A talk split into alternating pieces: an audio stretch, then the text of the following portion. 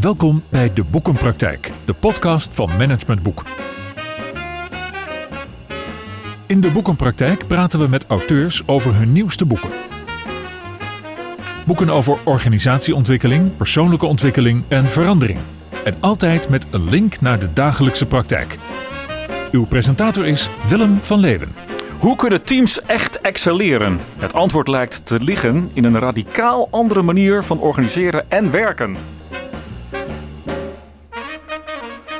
En dat allemaal op basis van principes van de Special Forces mannen Richard, Frank en Thomas. Want zij schreven het boek Green On, de leukste en meest productieve manier van werken. Samen deden ze dat overigens met Joris Jansen en Daan Domen. En dat zijn weer twee ondernemers uit de zorgwereld. Frank en Richard zijn hier te gast voor onze podcast De Boekenpraktijk. Naast dit boek verzorgen zij samen dus met Thomas met hun bedrijf Threefront trainingen voor organisaties in een radicaal andere manier van werken. Welkom Frank en Richard, fijn dat jullie mijn gasten er zijn. Ja, dankjewel. Dankjewel. Wat, wat maakt dat jullie de behoefte hebben gevoeld om uh, ja, zeg maar de lessons learned bij uh, de Special Forces waar jullie allebei, jij hebt erin gezeten en jij zit er nog in als ik het zo mag zeggen, om dat in een boek te gaan verwoorden? Ja, eigenlijk uh, uh, natuurlijk een opgebouwde, eigenlijk een optelsom van al onze ervaringen. En ook uh, de kennismaking met, uh, met Daan in dit geval in eerste instantie.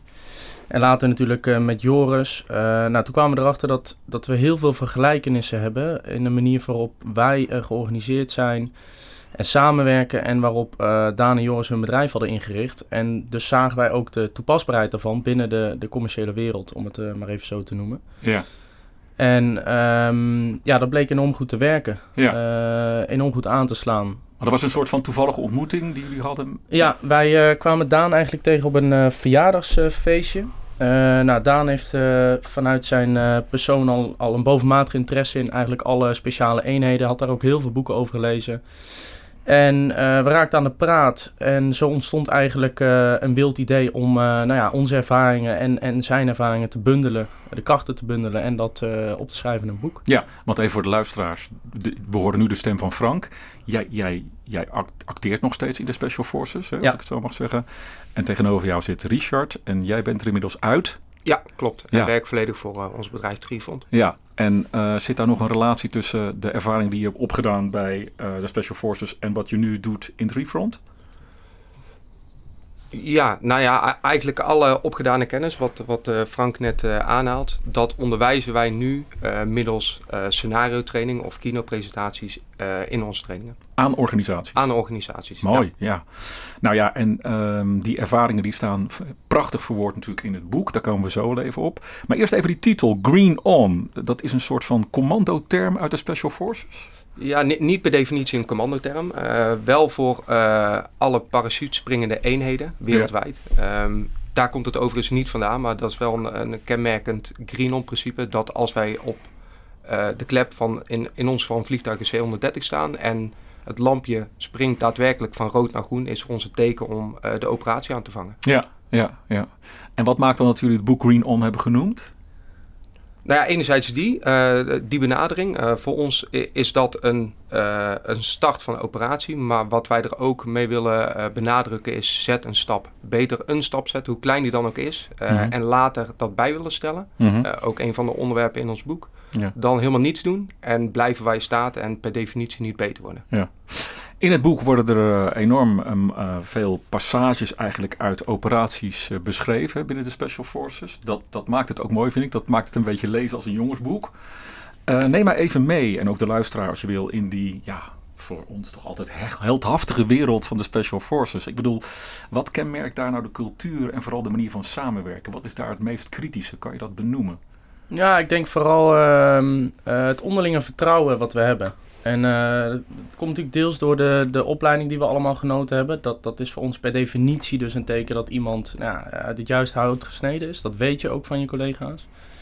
En uh, daarom dus um, nou ja, de, de unieke manier van samenwerken. Altijd in kleine teams. Altijd um, nou, veelal onder extreme omstandigheden. Wat dan door, door de, de medemens gezien wordt, dat, wordt als extreme omstandigheden.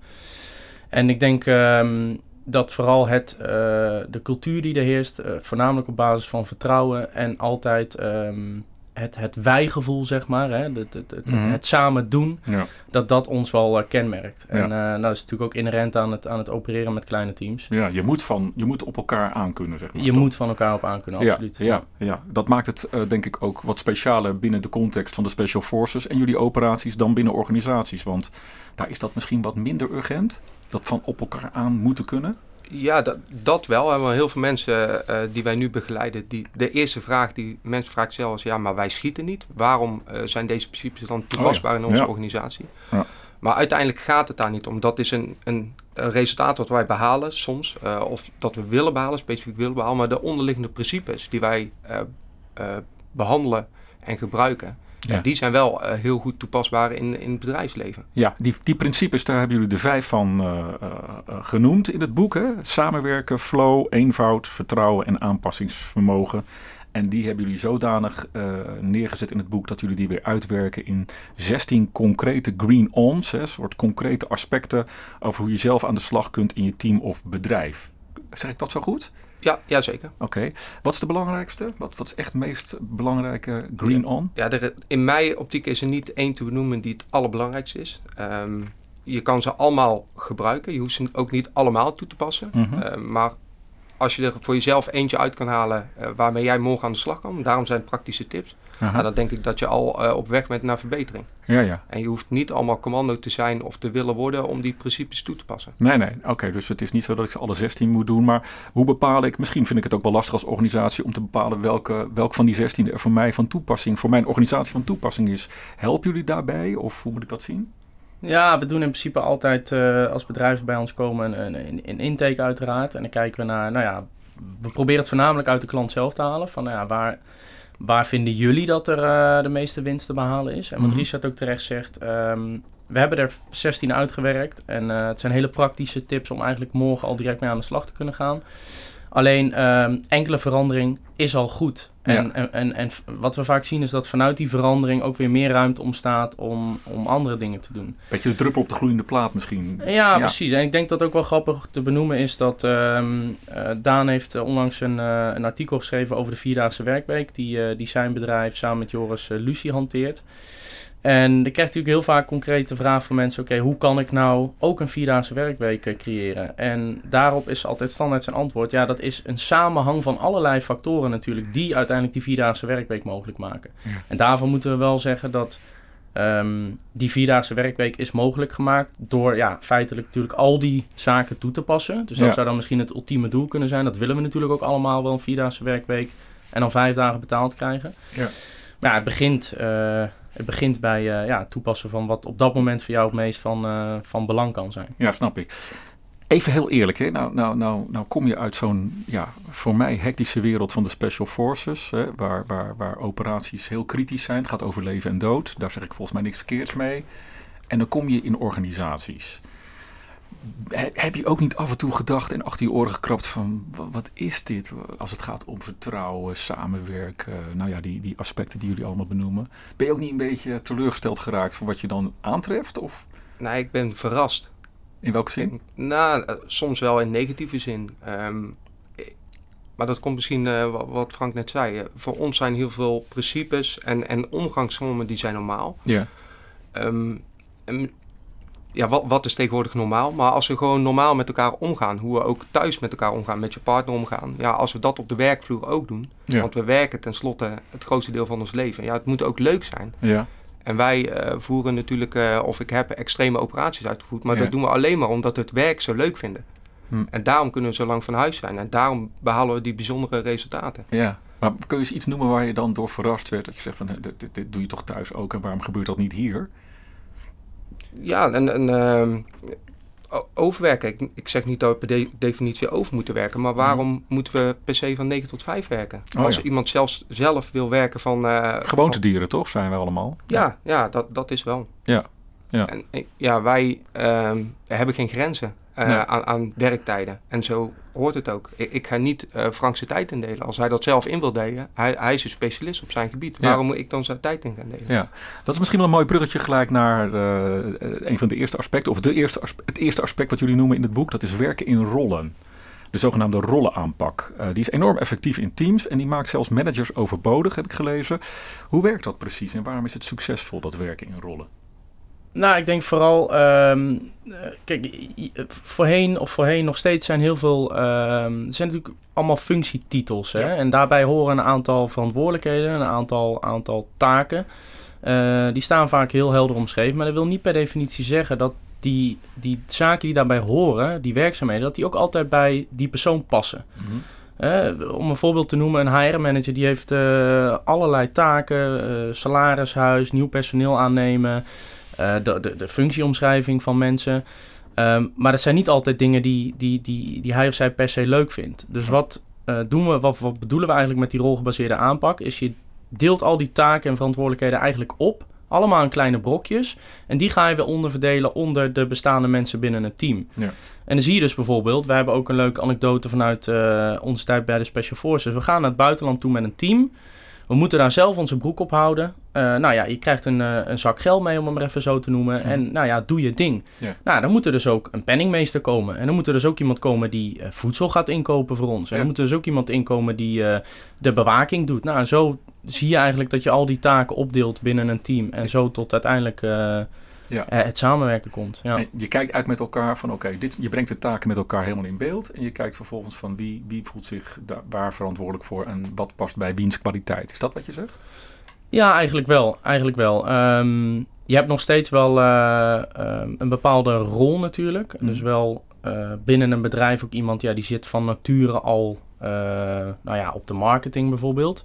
Maar binnen die verschillende taken en verantwoordelijkheden van die marketingpositie dan, ja, dan kan je wel kijken naar wat kunnen we hiervan opdelen en onderverdelen binnen jouw bestaande team. Ja, ja. Nou, kunnen die corporate organisaties, waar we er ook veel van hebben, kunnen die, kunnen die hier wel mee starten? Want die zitten vast aan salarishuizen, competentieprofielen, functieprofielen. Dat moet dan allemaal de prullenbak in. Nou, dat, dat denk ik niet. Toevallig hebben we twee weken geleden een grote corporate getraind. Um, en daar zie je dat uh, onze principes echt wel uh, bottom-up gekomen zijn. Um, daar hebben we niet gekeken naar een HM-manager, uh, zoals, Frank, of zoals Frank net zei. Um, maar daar hebben we echt gekeken naar een team. Wat zou nou zijn de taken, taken en verantwoordelijkheden die uitgevoerd moeten worden om in hun geval een specifiek product te lanceren.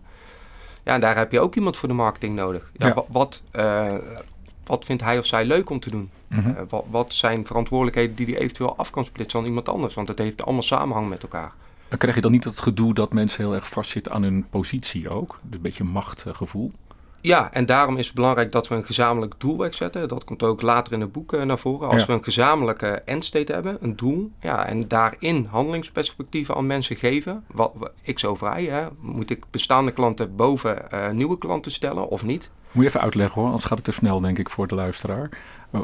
Dat zijn bepaalde strategiestellingen die jullie dan. Uh, ja, ja, wat we heel erg proberen te doen op basis van vertrouwen. Want we willen mensen zelf uh, het gevoel of de, de autorisatie geven om beslissingen te, te kunnen maken. Um, is dat we een hele duidelijke endstate wegzetten. Ja. Dus we selecteren op kernwaarden. We hebben allemaal gemeenschappelijke belang, ja. een, een, doelgroep waar we uitkomen. En door die endstate weg te zetten en uh, doelen te stellen aan elkaar, ja, daar, dat is wat we opgeven aan elkaar. En daarbinnen heb je zelf de handelingsvrijheid om, om besluiten te maken, beslissingen te nemen. Ja, ja. Okay. En dat is wat wij bedoelen met handelingsperspectieven X over Y. Ja, en dan toch nog even terug naar die, die HR-manager in zo'n corporate organisatie die misschien toch heel erg aan zijn positie vast zit. Hoe krijgen we die om dan? Welke opzicht? Nou ja, uh, uh, wat ik althans denk te zien in organisaties is dat mensen ook heel erg hun, bijna hun identiteit uit hun functie zijn gaan halen, snap je? Dus ik ben bijvoorbeeld, pak ik weer even de HR-manager. Nou, die is voor alles verantwoordelijk. Je schetste dat al even, Frank. En die, ja, die, die, ineens gaan we, gaan we met rollen aan de slag en gaan we zeggen, nou laten we eens kijken of we kunnen kijken of we een aantal van, van de, de, de deeltaken uit jouw functie bij anderen misschien beter kunnen onderbrengen daar zit zo'n HR-manager dan misschien helemaal niet op te wachten, want dat is een beetje uitkleding van zijn functie. Of, of zie ik dat heel negatief? Ja, maar misschien wil hij zelf wel al die rollen behouden. Kijk, uh, we maken het Oh, ja. inzichtelijk door al die taken weg te zetten. Wat zijn de taken van de HR-manager? En Ja. als hij zegt, ik wil ze allemaal behouden, Ja. eh, dan kan dat. En als hij zegt, ja, in eentje voel ik me niet eh, prettig, Ja. daar voel ik me niet prettig bij, dan kan hij die aan iemand anders geven. Ja, en kan het dan ook zo zijn dat ik in, in zo'n organisatie als collega zeg: ja, maar volgens mij kan ik dat veel beter dan jou tegen die HR-manager. En dan wordt er wel gekeken of het misschien meer bij mij past. Ja, Ja, ik, zeker. ik denk dat die vrijheid er zeker eh, moet zijn. En, eh, en dat dat ook. eh, eh, nou, dat, dat beschrijven we ook binnen het hoofdstuk vertrouwen natuurlijk. Ehm, ja, dat, dat, die, die, die psychologische veiligheid moet, moet, moet gevoeld worden. Dat jij ook, ook de vrijheid hebt en de openheid hebt om daar met elkaar over te praten. vanuit een bepaalde rol die je, die je aanneemt. Ja. En, en ja, ja, dat. Daar, absoluut. daar begin je dan misschien ook wel mee, hè? Met, die psycho, psycho, nou zeg, met die psychologische veiligheid. Dat is een soort basis eigenlijk misschien wel voor alle andere aspecten. Of zeg ik dat? Nee, absoluut. Ik, ik denk dat dat enorm eh, belangrijk is. En, eh, en nou ja, ook om eh, op de eerdere vraag terug te komen, dat, dat is mijn, eh, dat is wel de verrassing die ik heb eh, als we bij veel eh, corporates bezig zijn. Ja, dat die niet altijd gevoeld wordt. En dat kan natuurlijk deels komen door micromanagement van, van bovenaf. Hè, het bemoeien, de bemoeienis met de taken. Dus dat er continu mensen het gevoel hebben dat er over hun schouder wordt meegekeken. En dus mensen ook bang zijn om fouten te maken. Nou, een van de, de greenons, misschien een leuk bruggetje, ook in ons boek is vier je fouten. Ehm, komt ook, eh, ook, ook nou ja, wel bij, eh, bij ons vandaan, denk ik. Het zou heel raar zijn als wij een actie in zouden gaan. En uiteindelijk evalueren, die, evalueren we die actie en er zou helemaal niks uitkomen. We zouden high-fivend het gebouw verlaten en top jongens, alles is goed, eh, hè, Hmm. laten we iets anders gaan doen. Er is altijd ruimte voor verbetering. En als die acceptatie er is, dat er dus ja, ja, in het streven naar perfectie fouten gemaakt worden door mensen, eh, ja, dan, dan, dan ben je ook meer eh, toegevelijk naar elkaar. En, en, en uiteindelijk eh, creëert dat natuurlijk ook psychologische veiligheid. Ja, maar dit is wel een wereld nogmaals van leven en dood. Dus ik kan me voorstellen dat die debriefing die bij jullie hartstikke noodzakelijk is, die ook bij de politie bijvoorbeeld gebeurt, die, die, die wordt gedaan om te kijken, moeten we volgende keer dingen anders doen? En dan moeten die fouten aan het licht komen. In een organisatie is dat altijd, zit dat wat meer onder het tapijt, toch? Die fouten. Eh, nou ja, dat weet ik. ik. Ik denk dat ook binnen een organisatie, er wordt heel vaak inderdaad, en misschien wel terecht gesproken over leven en dood. Maar uiteindelijk is, is, is eh, de zakenwereld natuurlijk ook een keiharde, keiharde, een keiharde wereld. En als je daar niet je hoofd boven water houdt, ja, en helemaal nu, heden ten dagen, dan ga je ook ten onder. Ja. Dus misschien moet die, dat principe van leven en dood wel meer getrokken worden naar bestaansrecht, Voor of een niet? organisatie. Ja, Voor een ja. organisatie. In een globaliserende wereld waarin de markt Continue verandering, absoluut. Ja. Ja, oké. Kom er zo nog even op terug. Ik wil eerst even een aantal stellingen aan jullie voorleggen. En dan komen we nog even terug op dat fouten maken moet of mag. Zit namelijk ook in stelling 2. Maar eerst stelling 1. Eh, misschien is het leuk om allebei even eh, jullie mening daarover te geven. Graag alleen even antwoorden met eens en oneens of oneens. En daarna komt natuurlijk de nuance. Stelling 1. Teams worden pas succesvol als je de manager erboven ontslaat. Oneens. Oneens. Daar zijn jullie het dan heel erg eens over in ieder geval. Stelling 2. Fouten open delen is een illusie omdat we juist de angst hebben om die te maken. Laat staan met je collega's in alle openheid te delen. Oneens. Oneens. Stelling 3. Het formuleren van kernwaarden met de intentie om die leidend te laten zijn in je organisatie en dus in het dagelijks werkgedrag van mensen werkt niet. Oneens. Oneens. Nou, dat is lekker. Jullie zijn het overal mee oneens. Dat eh, wordt eh, leuk. Even terugkomend op eh, die eerste stelling. Teams worden pas succesvol als je de manager erboven ontslaat. Jullie zeiden allebei eensgezind oneens. Waarom oneens? Omdat ehm, de taken die bij de, bij de manager horen niet per, per definitie eh, niet meer gedaan hoeven te worden. Dat, eh, dat ontkrachtig ik. Alleen wel eh, de daadwerkelijke bezigheden van de manager, dat die meer tot uiting komen. Dus hij stopt met allerlei problemen van andere mensen op te lossen en dan komt weer echt toe aan zijn taak door zijn mensen bijvoorbeeld te laten ontwikkelen of door meer te bepalen waar hij naartoe wil met zijn team. Hij krijgt een andere rol eigenlijk. Hij krijgt een andere rol. Dus de titel van manager verdwijnt. Alleen de taken die bij de manager horen, die blijven. Als je kijkt naar een, eh, een Special Forces team eh, in ons geval, daar zit ook een manager eh, Ja. in de groep. Ja. Ehm, vaak ehm, is hij niet degene die de besluiten neemt, eh, al, als we tijd en ruimte hebben. Maar als, er, eh, als we in een vuurcontact zijn, is dat ook degene die eh, een definitief besluit neemt. Ja. Dus de functie is wel, is wel degelijk aanwezig en soms nodig. Alleen met de dag, dagelijkse werkzaamheden, ja, dat, hij, hij, hij, moet misschien, hij of zij moet misschien af en toe een stapje terug kunnen doen als het gaat om wie, heeft op dit, wie is op dit moment in charge. Ja, hij hoeft niet altijd het uiteindelijke besluit te nemen. Ja, oké. En dan uh, met betrekking tot die tweede stelling. Hè. Uh, ja, uh, fouten open delen is een illusie omdat we juist de angst hebben om die te maken. Laat staan met je collega's in alle openheid te delen. jullie ontkennen het fenomeen angst hierbij?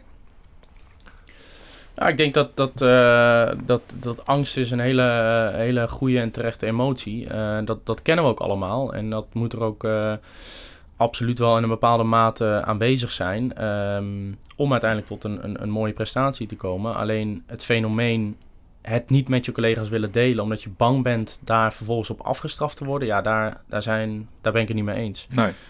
Ik denk dat het juist heel menselijk is om uiteindelijk, um, nou ja, in, die, in, die, uh, in dat proces van, van, van samenwerken en, uh, en, en een product eventueel, uh, et cetera.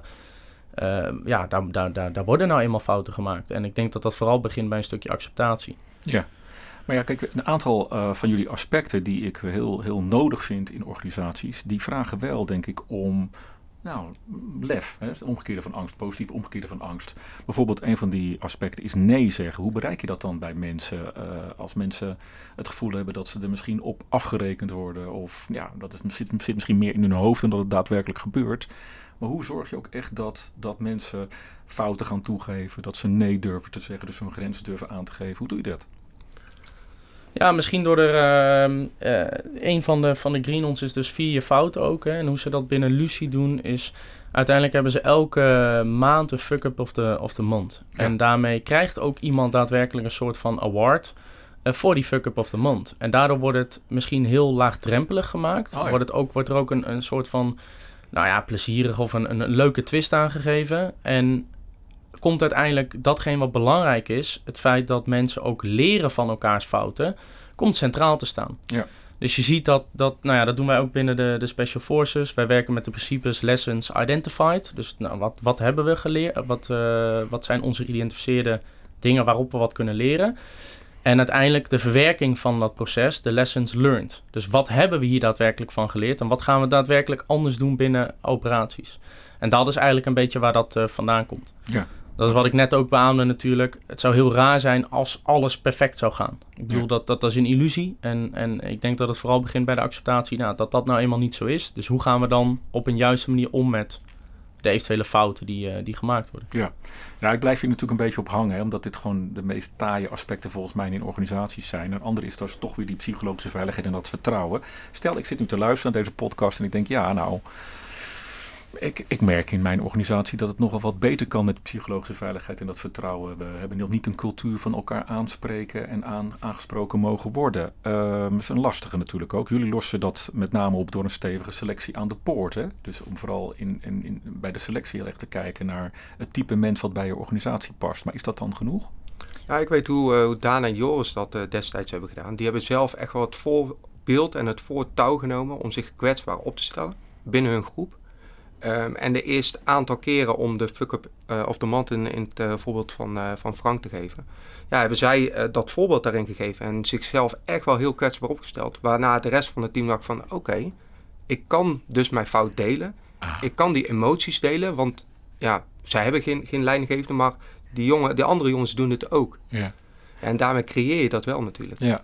Dus daarmee is het wel belangrijk dat als je zo'n cultuur in zo'n organisatie wil hebben, dat je eigenlijk met de top, als ik het zo mag noemen, begint. Hè. Dat voorbeeldgedrag is heel erg bepalend, zodat mensen in zo'n systeem zien van hé, hey, het mag kennelijk, want mijn baas doet het ook. Ja, absoluut. Ik denk dat, uh, dat, dat het leading by example principe, uh -huh. dat, uh, dat kan daarin uh, zeker sprekend zijn. En, en nou ja, het hele hele cliché uh, uitspraak, maar een goed voorbeeld doet volgen. En dat is natuurlijk uiteindelijk uh, wel zo. Ja. Een ander aspect vind ik ook heel erg nodig en mooi, uh, wat jullie hebben beschreven, is het trainen van mentale weerbaarheid. Dat is een kwestie van de juiste mindset. Um, ja, hoe, hoe, hoe doe je dat? Hè? Want ik, ik lees dan bijvoorbeeld dat in dat Daan en Joris binnen Lucie hebben ze heel veel uh, tijd gereserveerd. Uh, ze hebben een vierdaagse werkweek en die vijfde dag is het dan om misschien ook aan je mind te werken. Ze hebben het over meditatie en yoga. Ja, uh, dat is nog niet echt common sense in organisaties. Zit zelfs nog een beetje in de taboesfeer. terwijl dat bij jullie volgens mij binnen Special Forces al wel common sense is. Zeg ik dat goed? Nou, je, uiteindelijk moet je wel uh, tijd voor jezelf reserveren. Um, op een gegeven moment zit je hoofd gewoon vol. Mm -hmm. En als je die tijd niet voor jezelf uh, reserveert om te relativeren, ja, dan op een gegeven moment, je kan niet blijven pieken. Nou, bij, bij ons is dat extreem natuurlijk, in, in een hele extreme situatie, maar ja. ook in het bedrijfsleven. Ja, als je die tijd niet neemt, nou, op een gegeven moment stopt het. En hoe jij dan tot jezelf komt, nou, in het boek bes beschrijven wij er een aantal, yoga is er daar eentje van. Um, maar dat is voor elk persoon, elk individu is dat apart. Hm. Ik vind het heel leuk om op uitzending bijvoorbeeld uh, te klussen, dingen op te knappen. Daar word ik heel rustig van. Ja. Uh, Frank die doet uh, hele andere dingen. Thomas weet ik, die houdt van boksen. Die, die komt daar mee tot rust. Ja. Dus, dus het gaat er heel erg over dat je, je, jezelf goed kent. In waar haal je je rust en ontspanning vandaan? Ja, en natuurlijk yoga is een sprekend voorbeeld. of wat er ook in staat is de, de SLLS break om, om weer focus te krijgen. Dat zijn allemaal manieren, middelen. Uitleggen, om, om, even uitleggen. Stop, uh, listen, nee, wat was hem ook alweer? Ja, stop, look, listen en smell. Ja. Dus stop met wat je bezig bent, kijk om je heen, luister en, en neem een diepe ademteug. Maar eigenlijk alleen maar als middel van kom heel even tot jezelf. Ja. Maak je bewust van de situatie waar je in bent, in welke aandachtscirkel, die we ook benoemen in het boek. Um, ja, om weer terug te komen in je focus. Ja. Is het ook niet uh, handig om juist zo'n hele concrete skill zoals zo'n SLLS gewoon toe te passen. Dat je zegt, we gaan dit allemaal doen. Want dan hebben we in ieder geval een soort van uniforme aanpak en uniforme taal hierin. Ja, ik denk, ik denk deels wel. Uh, maar ja, uiteindelijk uh, uh, werkt het ook voor iedereen weer anders. Ik denk dat, dat de rode draad moet zijn, en dat, dat beschrijven we ook in het hoofdstuk aanpassingsvermogen. Je kunt jezelf pas aanpassen op het moment dat je, dat je headspace hebt. Op het moment dat jij um, daadwerkelijk ruimte hebt in je hoofd om nou ja, af en toe weer uh, tot bepaalde nieuwe inzichten te komen en, en weer verder te gaan. En op het moment dat jij continu maar blijft pieken, zoals Reset ook zegt, dan heb je die ruimte niet meer. En dan kan je dus ook niet aanpassen, want er wordt elke uh, nieuwe ontstaande situatie, die natuurlijk altijd ontstaat, wordt een soort van te veel. Mm. En dan komt alles op je af en dan kan alles op een gegeven moment te veel worden. En helaas zien we dat ook steeds meer terug natuurlijk binnen het leven uh, aan zich. Dat nou ja, burn-outs liggen op de loer. En, ja. en, en uh, ja, we hebben steeds meer een toename van, uh, van mensen met, met, met, psyche, met psychische problemen. Hmm, ja. En, en um, hoe ga je daar dan mee om? Is dat, is dat trainen van die mentale weerbaarheid zoals jullie dat beschrijven dan voldoende? Of moet je dan echt dieper gaan? Nou, ik denk vooral het, het, het besef uh, heel veel hangt ook weer samen met, uh, met het hoofdstuk flow. Um, het recht om nee te zeggen. Dus ja, als jij het, het gevoel hebt dat het niet bijdraagt tot het doel of, of, of de, de, de activiteiten binnen jouw rol, durf dan ook nee te zeggen. Accepteer dat ook van elkaar. Ja. Um, ja. Ja, wat wij ook uh, in het boek beschrijven. En in het boek noemen wij dat accountability partners. Um, binnen onze community noemen wij dat een buddy. Maar eigenlijk is dat iemand waarmee je kan sparren buiten het werkveld ook om. Dus ook je privé situatie. En die je heel goed kent en jouzelf dus kan reflecteren uh, op hoe je reageert. Ja. Hij, hij, ziet, hij neemt waarschijnlijk dingen eerder waar dan uh, waar je zelf bewust van bent. Ja. En daar kan je dan dus uh, aan gaan werken. Dus gewoon een spiegel, een ja. gratis spiegel. Gewoon een peer, een collega eigenlijk uit je, uit je team, uit je organisatie. Ja. Die waarschijnlijk ook wel uh, wat, wat, wat dwingend en dringend kan zijn in het nakomen van afspraken. Dus je moet dan ook wel wat meer. Ja, zeker. Initieel is je natuurlijk voor, uh, voor alle werkafspraken en je, je daarmee reflecteren. Maar wij gebruiken het ook heel veel voor, uh, de, voor het mentale aspect. Uh, ja. De thuissituatie. Ja. Hebben we het nog over iets niet gehad waarvan jullie zeggen van nou Willem, uh, leuk zo'n interview, maar uh, dat hebben we nog echt niet belicht. Uh, dat is wel belangrijk, want het staat wel in ons boek als het gaat om de 16 Green On aspecten. Ja, ik denk misschien het, dat we het, het hoofdstuk eenvoud nog wel even kunnen toelichten. Doe het even in eenvoud dan. In eenvoud, ja. Uiteindelijk um, zijn we natuurlijk geneigd, en zeker binnen grote bedrijven, om, om heel erg strategie te willen bepalen. En strategie is goed, hè? we moeten inderdaad een richting hebben. Uh, want ja, daar is iedereen bij gebaat. Maar vaak wordt er ook veel te veel vooruit gedacht. En ik denk een leuke korte anekdote die we kunnen vertellen. Als wij een operatie plannen, dan is daar best wel een hele uitvoerige planning. Maar wat we voornamelijk doen tijdens die planning, zijn de what-if scenario's bespreken. Wat ja. doen we als uh, zus of zo gebeurt? Ja. En wat creëert dat uiteindelijk op het moment dat je die, die opdracht aan het uitvoeren bent? Dat jij bij voorbaat al weet van jezelf, maar ook van elkaar, hoe gaan we om als uh, nou ja, wij uh, van A naar B uh, verplaatsen met een auto en we krijgen een lekker band. Ja. En dat is een heel simpel voorbeeld. Maar door dat al van tevoren te bespreken, weet iedereen op dat moment waar hij aan toe is. En kan iets heel complex uiteindelijk als heel eenvoudig ervaren worden. Omdat je allemaal weet ja, wat je gaat doen in een bepaalde situatie. Ja. En vind jij, Frank, dat die what-if scenario's te weinig aan bod komen in organisaties? Dat dat te weinig naar gekeken wordt? Is dat wat je zegt? Nou, wij, uh, wij noemen het dan wat scenario's, maar wat er wel vaak um, uh, gedaan wordt, is, is uh, hele complexe dingen worden over een hele lange termijn gezien, uitgespreid en wordt ook al geprobeerd om vooraf ja, de hele roadmap zeg maar, te bepalen. Ja. Terwijl natuurlijk ja, ook een van de dingen van agile werken, hele kleine stapjes maakt je gewoon extreem wendbaar. Daar moest ik ook aan denken toen ik het boek las. Um, ik ga hem even heel overdreven zeggen. Um, en dat is, ik vond het een beetje af en toe oude wijn in nieuwe zakken. Want jullie hebben het bijvoorbeeld over uh, debriefingen en um, nou ja, uh, een retro binnen Agile werken is er al. Asynchroon werken, strategiestellingen met keuzes A boven B. Het Agile Manifest doet dat. Uh, oftewel, stand-ups worden er gehouden, waarin je met elkaar heel kort cyclisch kijkt. Wat gaan we vandaag doen en wie doet wat?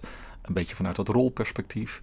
Is het niet uh, gewoon ook uh, een beetje agile wat jullie beschreven hebben? Ja, of is, is agile een special forces werkwijze die er al sinds 1942 is?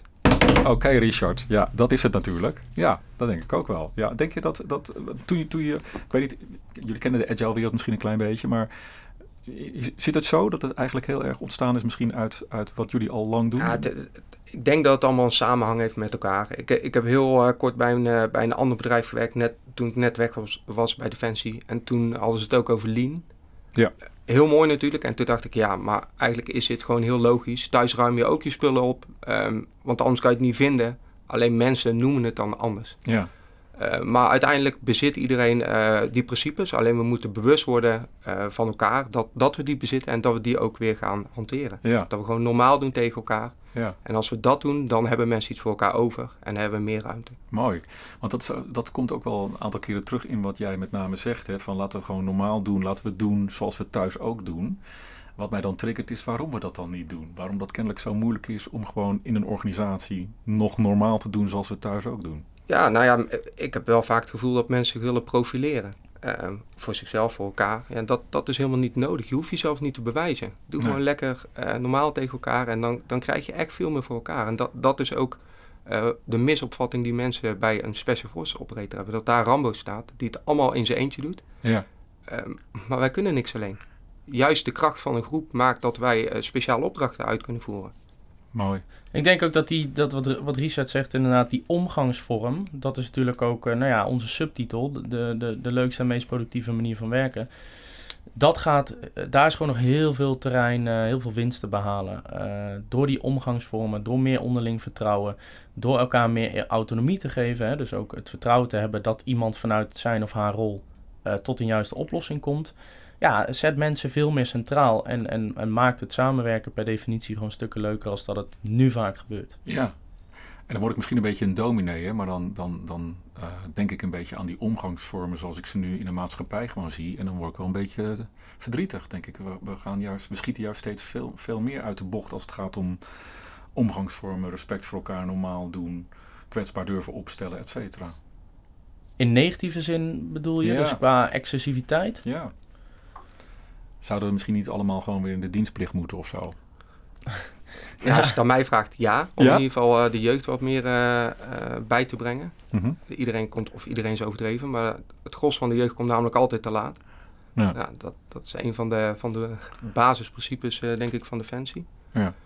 Ja. maar, maar gewoon, de- ja, wat, wat Frank net zei, gewoon met elkaar omgaan. Je krijgt er zoveel voor terug als je mensen het vertrouwen geeft in een organisatie. De autonomiteit, dat mensen zelf besluit kunnen nemen, zelf hun tijd in kunnen delen. Eh, mensen worden productiever, creatiever. Ja. En, en als, oud, als manager, zeg maar, als, als ik een stereotype manager eh, mag gebruiken, ja, die krijgt er zoveel vrijheid voor terug. Want hij kan heel veel taken en verantwoordelijkheden kan die uit handen geven. Waardoor hij zich kan focussen op belangrijke taken. Oké. Nou, eh, dank jullie wel, want we gaan het boek natuurlijk eh, allemaal lezen om de principes vanuit Special Forces eh, ehm, eh, te leren kennen. En nogmaals, er staan ook hele mooie fragmenten in van operaties van jullie. Dus het, het leeft ook als een jongensboek. Richard en Frank, bedankt voor jullie bijdrage aan deze podcast ik heb nooit geweten hoor. Echt niet dat organisaties zulke praktische lessen konden lezen vanuit de Special Forces. Ik verwijs jou als luisteraar van deze podcast heel graag naar de volgende aflevering van de Boekenpraktijk. Over twee weken is die weer op alle grote podcastkanalen te vinden. En daarin spreken we weer met een auteur over zijn of haar opmerkelijk recent verschenen managementboek. En plotten we de strekking van dit boek op een actuele casus uit de praktijk. Daarmee bedank ik je weer voor het beluisteren van deze podcast. Kom ook met je feedback. Kom maar in de lucht. Heb je vragen, opmerkingen of suggesties? Mail het dan SVP naar info.managementboek.nl Tot zover de praktijk van boeken. Kijk voor meer afleveringen of een abonnement op de boekenpraktijk op managementboek.nl/slash podcast. Je vindt ons ook op Spotify, Apple Podcast, Google Podcast en Soundcloud. Hartelijk dank voor het luisteren en graag tot de volgende podcast.